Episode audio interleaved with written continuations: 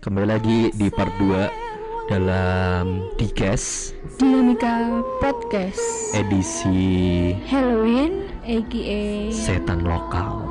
Wow, serem banget ya. Ini suasananya cukup mendung sekali untuk pembahasan kali ini nih. Dengar suara apa nih, April? Di sini sekarang. Di sini aku lagi dengar lagu Lingsir Wangi nih kak. Iya. Ya tiba-tiba ya pembahasan kita kali ini ya. Oke, ini edisi jangan salahkan kalau ada yang kesurupan ini. Waduh. Waduh, kamu aja, jangan aku. baik baik. Kita hari ini tuh akan membahas tentang lagu mistis Lingser Wengi yang paling ditakuti Indonesia. Lagi viral nih. Musik itu sebenarnya merupakan karya seni bunyi dalam bentuk lagu, mengungkapkan pikiran dan perasaan si pencipta melalui harmoni, bentuk atau struktur lagu, dan ekspresi sebagai satu kesatuan yang utuh.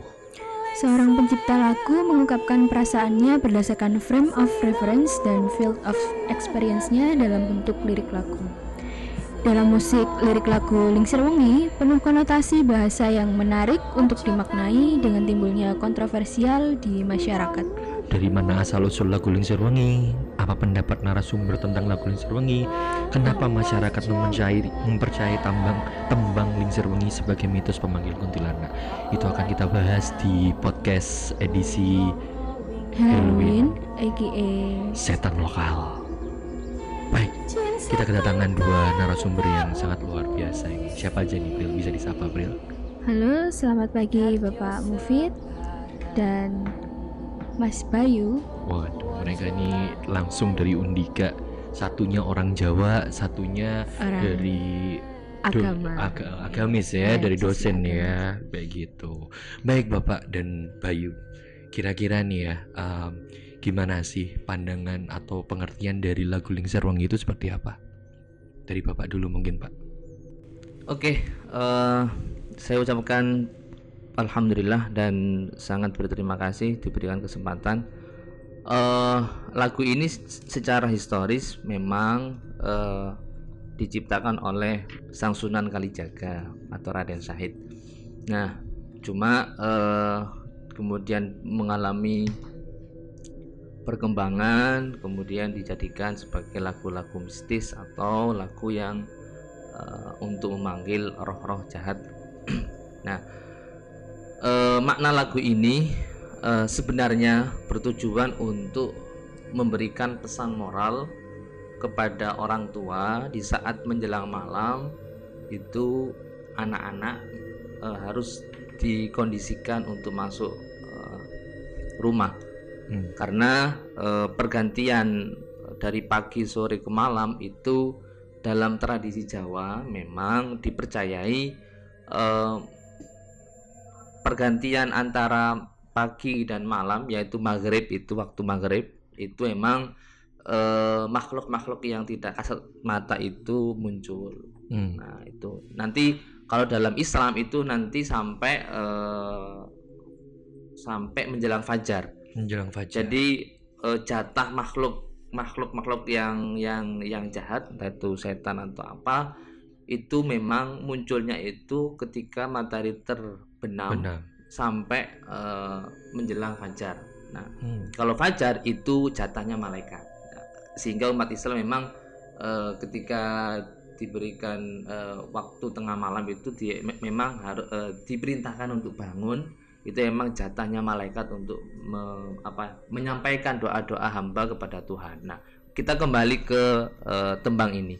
Jadi memang dalam segi historis ini diciptakan oleh orang Islam. Satu yaitu eh, Sunan Kalijaga. Yang kedua, orientasinya atau tujuannya eh, untuk mendidik anak-anak itu agar eh, tahu diri bahwa waktu malam itu sudah stop untuk bermain di luar. Ya, jadi Hmm. aktivitas itu harus kembali di rumah. Ya, entah itu dengan belajar atau dengan eh, aktivitas keluarga. Nah, kemudian kalau kita telisik dari segi konten asli yang diciptakan oleh Kanjeng Sunan, itu tidak ada eh, unsur atau tujuan untuk memanggil roh jahat. Ya. Hmm. Jadi dalam segi konten itu tidak ada unsur untuk memanggil roh jahat. Nah, eh, tapi memang di situ memang menyinggung eh, adanya jin dan roh halus atau roh jahat. Nah, oleh karena itu mungkin ya, mungkin ke- eh, mungkin atau dimungkinkan sehingga eh, masyarakat itu mengambil yang yang sisi ini, mengambil konten ruh sama eh, sama jin ini kemudian dijadikan sebagai lagu untuk memanggil mereka. Padahal Mhm. lagu ini di- diciptakan itu adalah untuk pertama tadi untuk mendidik anak itu agar eh, kalau waktunya sudah malam itu harus harus harus di rumah. Kemudian eh, tembang ini juga bertujuan untuk menolak bala kemudian juga menolak eh, apa segala segala kejahatan yang dibu- yang ditimbulkan oleh roh-roh jahat. Jadi eh, kalau dibandingkan dengan versi yang yang lagi booming sekarang itu malah bertolak belakang gitu Oke, baik. Berarti emang karena ada makna makhluk halus itu ya, ya yang akhirnya orang berpikiran, wah ini berarti juga untuk memanggil iya makhluk betul halus Ah, ah, seperti itu. seperti itu Kalau dari sisi Kak Bayu sendiri gimana nih Kak? Pendapatnya tentang lagu Lingser Wengi ini seperti apa nih sebagai Iya. orang Jawa kental nih ya? Nggih, sebelumnya Assalamualaikum warahmatullahi wabarakatuh. Waalaikumsalam. Sugeng enjang. Ini sugeng enjang nggih. Iya. Enjang. nggih. Enjing, saya kurang tahu ini bahasa Jawa. Jadi sebelum sebelumnya perkenalkan nama saya Ahmad Bayu Agung. Jadi asal saya ini emang asal Jawa asli yaitu Tulungagung. Emang kalau di wilayah saya terutama di Tulungagung itu kan masih kental budaya Jawanya, terutama di wilayah Tulungagung, Kediri dan sebagainya. Itu kan masih ada hubungannya sama Mataraman dan sebagainya. Hmm. Kalau di wilayah saya ini eh, lagu Ling Serungi ini ada dua versi. Hmm.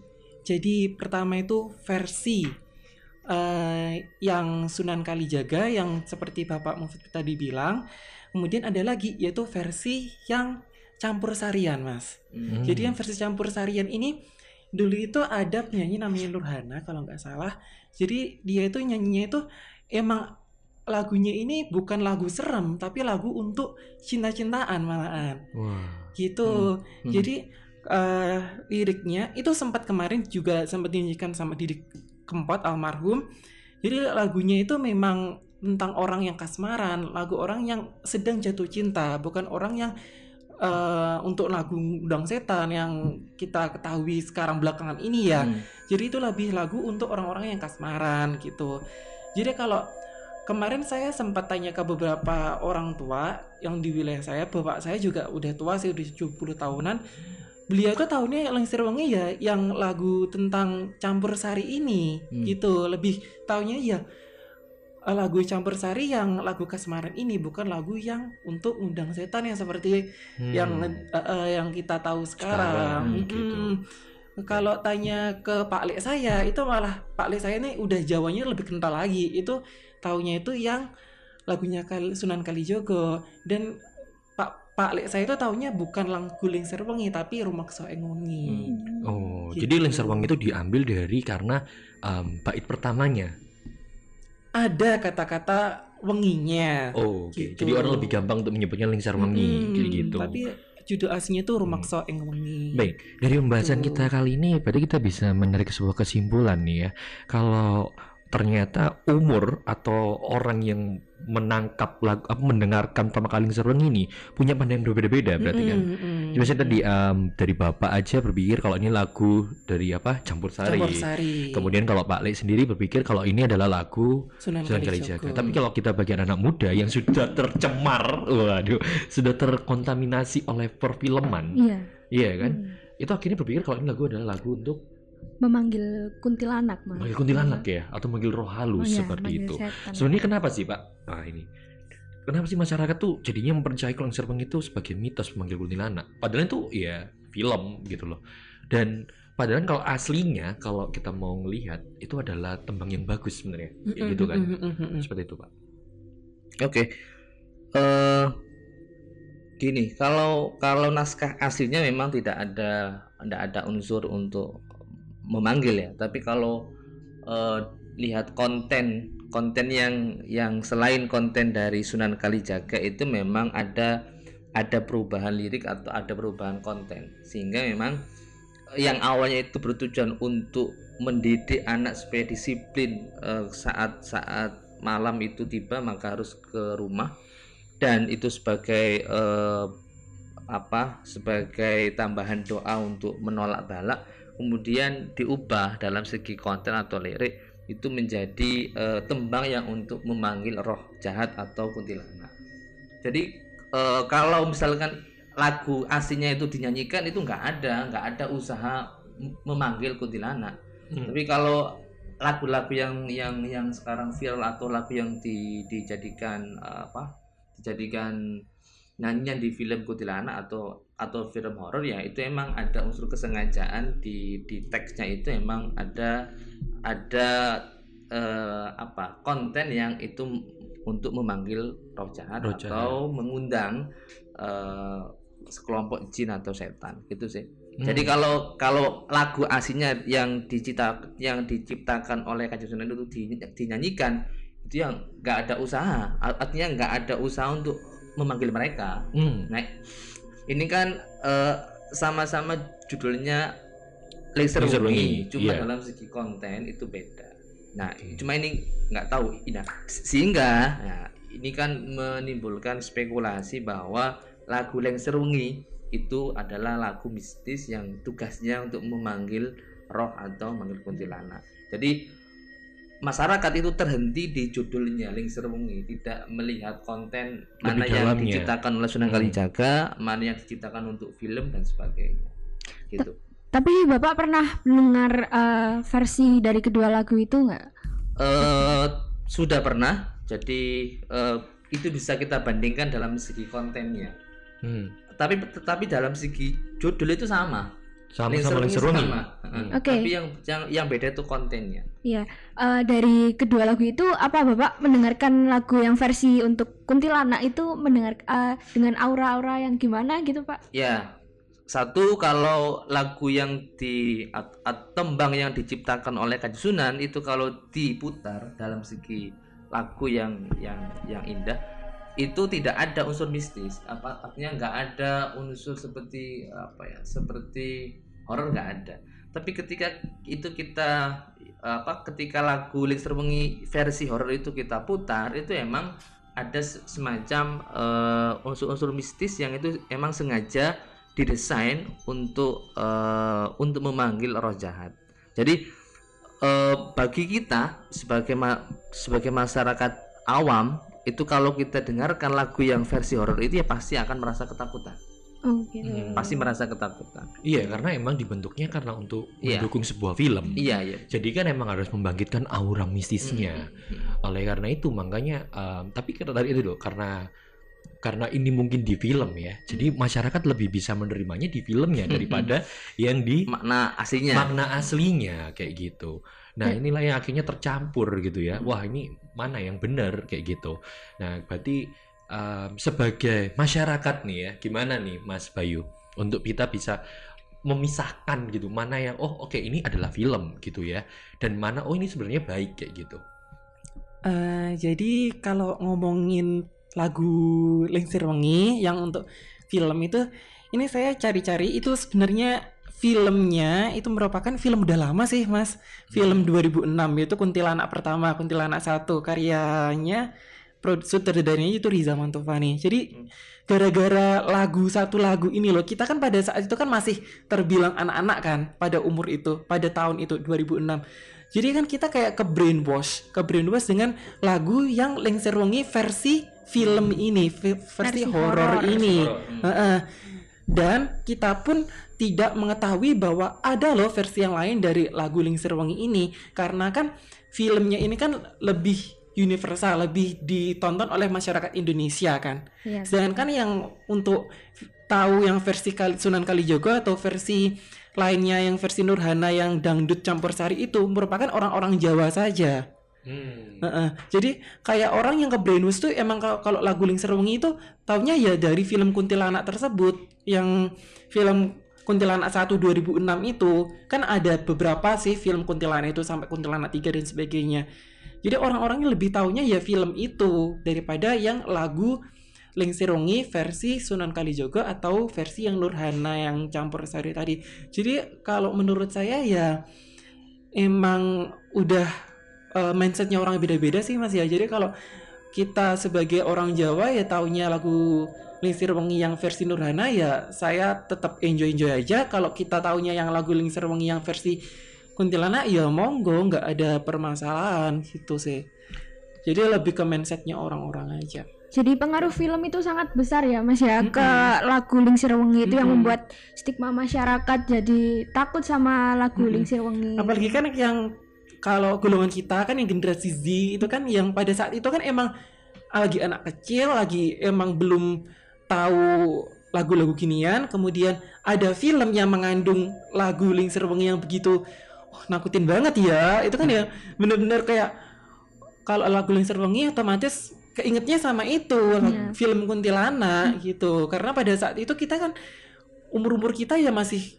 remaja ada yang anak-anak kecil juga aku lihat film ini pun dulu di televisi nggak nggak di itu nggak di Bioskop. bioskop Oh. gitu Nah, oke Pak. Tadi em, kembali lagi nih ke Lingser Wengi. Sebenarnya kenapa sih Sunan Kalijaga menggunakan tembang Lingser Wengi ini untuk mengedukasi gitu masyarakat pada waktu itu? Hmm. Oke, eh, jadi eh, setelah saya baca artikel mengenai historis eh, lagu ini yang itu disusun oleh Kanjeng Sunan, jadi ini eh, adalah lagu yang diciptakan pertama untuk sebuah penanda bahwa aktivitas manusia itu udah berakhir di pagi hari sampai sore. Kenapa? Karena memang dalam Quran itu Allah memberikan waktu pagi itu untuk bekerja, untuk beraktivitas. Nah, sedangkan waktu malam itu untuk beribadah. Nah, jadi kalau kita sambungkan di di perintah agama itu emang emang emang tepat sekali eh, lagu ini diciptakan oleh Kajeng Sunan disebut lengser wengi pergantian dari pagi ke ke malam satu, satu. yang kedua ini juga memberikan pesan bahwa memang kenapa sih harus diungsikan atau harus didisiplinkan eh, para anak-anak kecil atau anak-anak eh, muda itu untuk untuk kembali ke rumah ya karena memang eh, apa dalam segi tradisi Jawa itu memang eh, yang udah saya sampaikan di awal itu memang eh, pergantian pagi ke sore ke malam itu memang eh, apalagi waktu maghrib itu memang eh, secara mitos itu memang eh, apa ya munculnya munculnya jatah makhluk-makhluk kasat eh, yang tidak yang yang abstrak yang goib itu untuk muncul di eh, di kehidupan kehidupan masyarakat sampai menjelang fajar itu nah Hmm. yang ketiga nah isi dari dari dari ciptaan Kanjeng Sunan itu menandakan bahwa selain eh, orang tua disuruh untuk mendisiplinkan anak juga untuk eh, apa ya sebagai peringatan bahwa waktu malam ini harus digunakan untuk memperbanyak mengingat Tuhan di situ ke Tuhan kenapa harus mengingat Tuhan ya? Agar nah ini. Agar tidak mudah nah, agar tidak mudah terpengaruh oleh bisikan-bisikan makhluk halus. Itu jadi mereka yang mungkin banyak kesurupan atau mereka yang mungkin banyak eh, di, apa ditakuti dan da- atau diganggu oleh makhluk yang yang abstrak ya itu mungkin gara-gara kurangnya mengingat Tuhan. Sehingga eh, di di lagu itu selain em, apa bermakna edukasi pada anak-anak juga sebagai pengingat kepada masyarakat agar malam itu digunakan untuk memperbanyak mengingat Allah atau ibadah. Karena jatah pagi tadi sudah digunakan untuk aktivitas atau untuk eh, kehidupan-kehidupan duniawi. Gitu Wah ini berarti merubah pandangan kita nih ya yang tadinya Hmm. ketakutan nih ternyata oh ada makna di balik sebuah em, lagu dari Lingser Wengi gitu. Iya, Kalau iya. kita emang emang janganlah kita langsung menelan mentah-mentah Hmm. langsung bulat-bulat nih ya apa yang sudah kita dapat gitu kan Hmm. karena ternyata belum tentu itu benar Iya, seperti itu benar. Bril. Nah Dan- terus em, tadi itu jangan lupa juga kalau malam jangan lembur pulanglah Iya. seperti itu. Gimana apakah ada tanggapan lagi Bril? Jadi lagu Lingsir Wengi itu bukan berarti lagu yang horor gitu tapi memang ada makna di balik lagu itu gitu betul. ada banyak versi juga Iya, sebenarnya versi juga tinggal Iya. kita mau percaya versi yang mana Nah, kayak benar. gitu baiklah akhirnya kita di ujung acara Dikes dinamika podcast. dalam edisi Halloween aka setan lokal. Waduh Waduh. kok emang agak kasar nih setan lokal? Sebenarnya bukan setan ini. Iya kan? Agak serem ya. agak serem juga setan lokal. Baiklah tunggulah selalu edisi-edisi berikutnya dalam peringatan yang mungkin berbeda-beda dan mungkin pembahasan juga makin menarik dengan orang-orang orang narasumber-narasumber yang luar biasa. Saya Rian Adidi Jawari dan saya Apriliani beserta dua narasumber kita Bapak Mufid dan Mas Bayu izin undur diri sampai jumpa di edisi berikutnya hanya ada di di Kes Dinamika Podcast. Podcast. Bye bye.